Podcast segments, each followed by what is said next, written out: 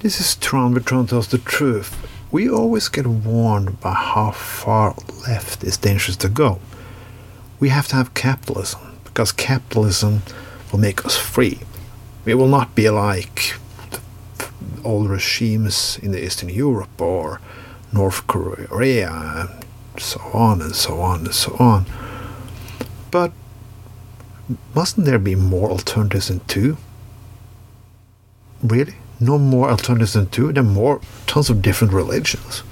There are tons of different philosophy on everything. But if you come to politics, it's only two directions. Slavery in communism or slavery to the right. Well, do you really feel free when you have to work, work, work? It's like that my mother had three jobs. We had two so many jobs so we can work more, more, more, consume more, more, and more. But I'm really happy. During the pandemic, I found out that all the things that make the, the workload I got didn't make me happy at all. Don't make me worrying that I didn't have much money to I could. But again, I never used to consume that much. So I don't give a fuck if this neighbor have better things than I, bigger things than I, because I'm of happy with the things I got.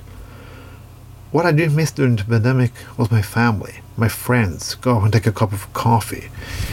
We always think we had to consume more and more and work more and more for what? Will you get a reward in the end? When you like, when you work to a goal, you get to a goal, and then you relax and take pride in it. But not with this kind of capitalism. You should work till you fucking die. Sometimes you die before you get old too so you never get used to that pension. What about just being young and crazy?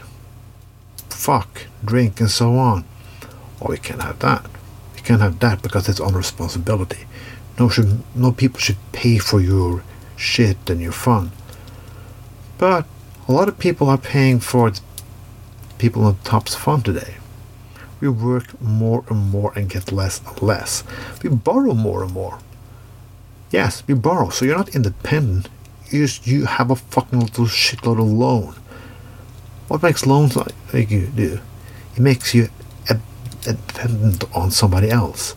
It makes you a fucking slave. Is this better than being a slave on the right, left? I don't like. What about us? We don't like any of those systems. What about happen with moral issues like being moderate? because nobody's moderate anymore. If you don't have the biggest, the fastest, the most expensive, and what so on, you don't live up to the capitalist ideal.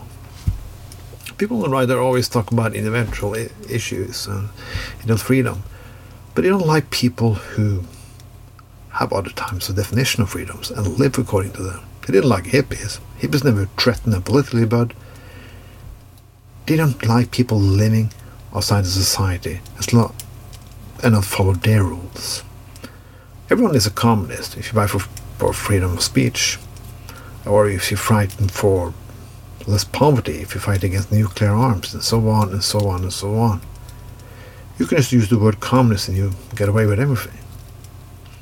But some issues have to the left too. If you don't go into their clique or elite club on the left too, you're the same. It's all about consume more and more. The right want the private sector to do it, and sometimes the left just want everybody to use to do it with the help of the state. Nothing is a good alternative. We have to use less. We have to be happy with less. I am happy with less. I'm a strange guy. I'm a communist, not at all. I just had other values. I used my individual freedom to not consume a lot not work myself to death. I want to enjoy life while I'm living. Is something wrong with that? Should everybody else do that? It's not like we don't have any millionaires and billionaires and so on. We have nearly trillionaires right now.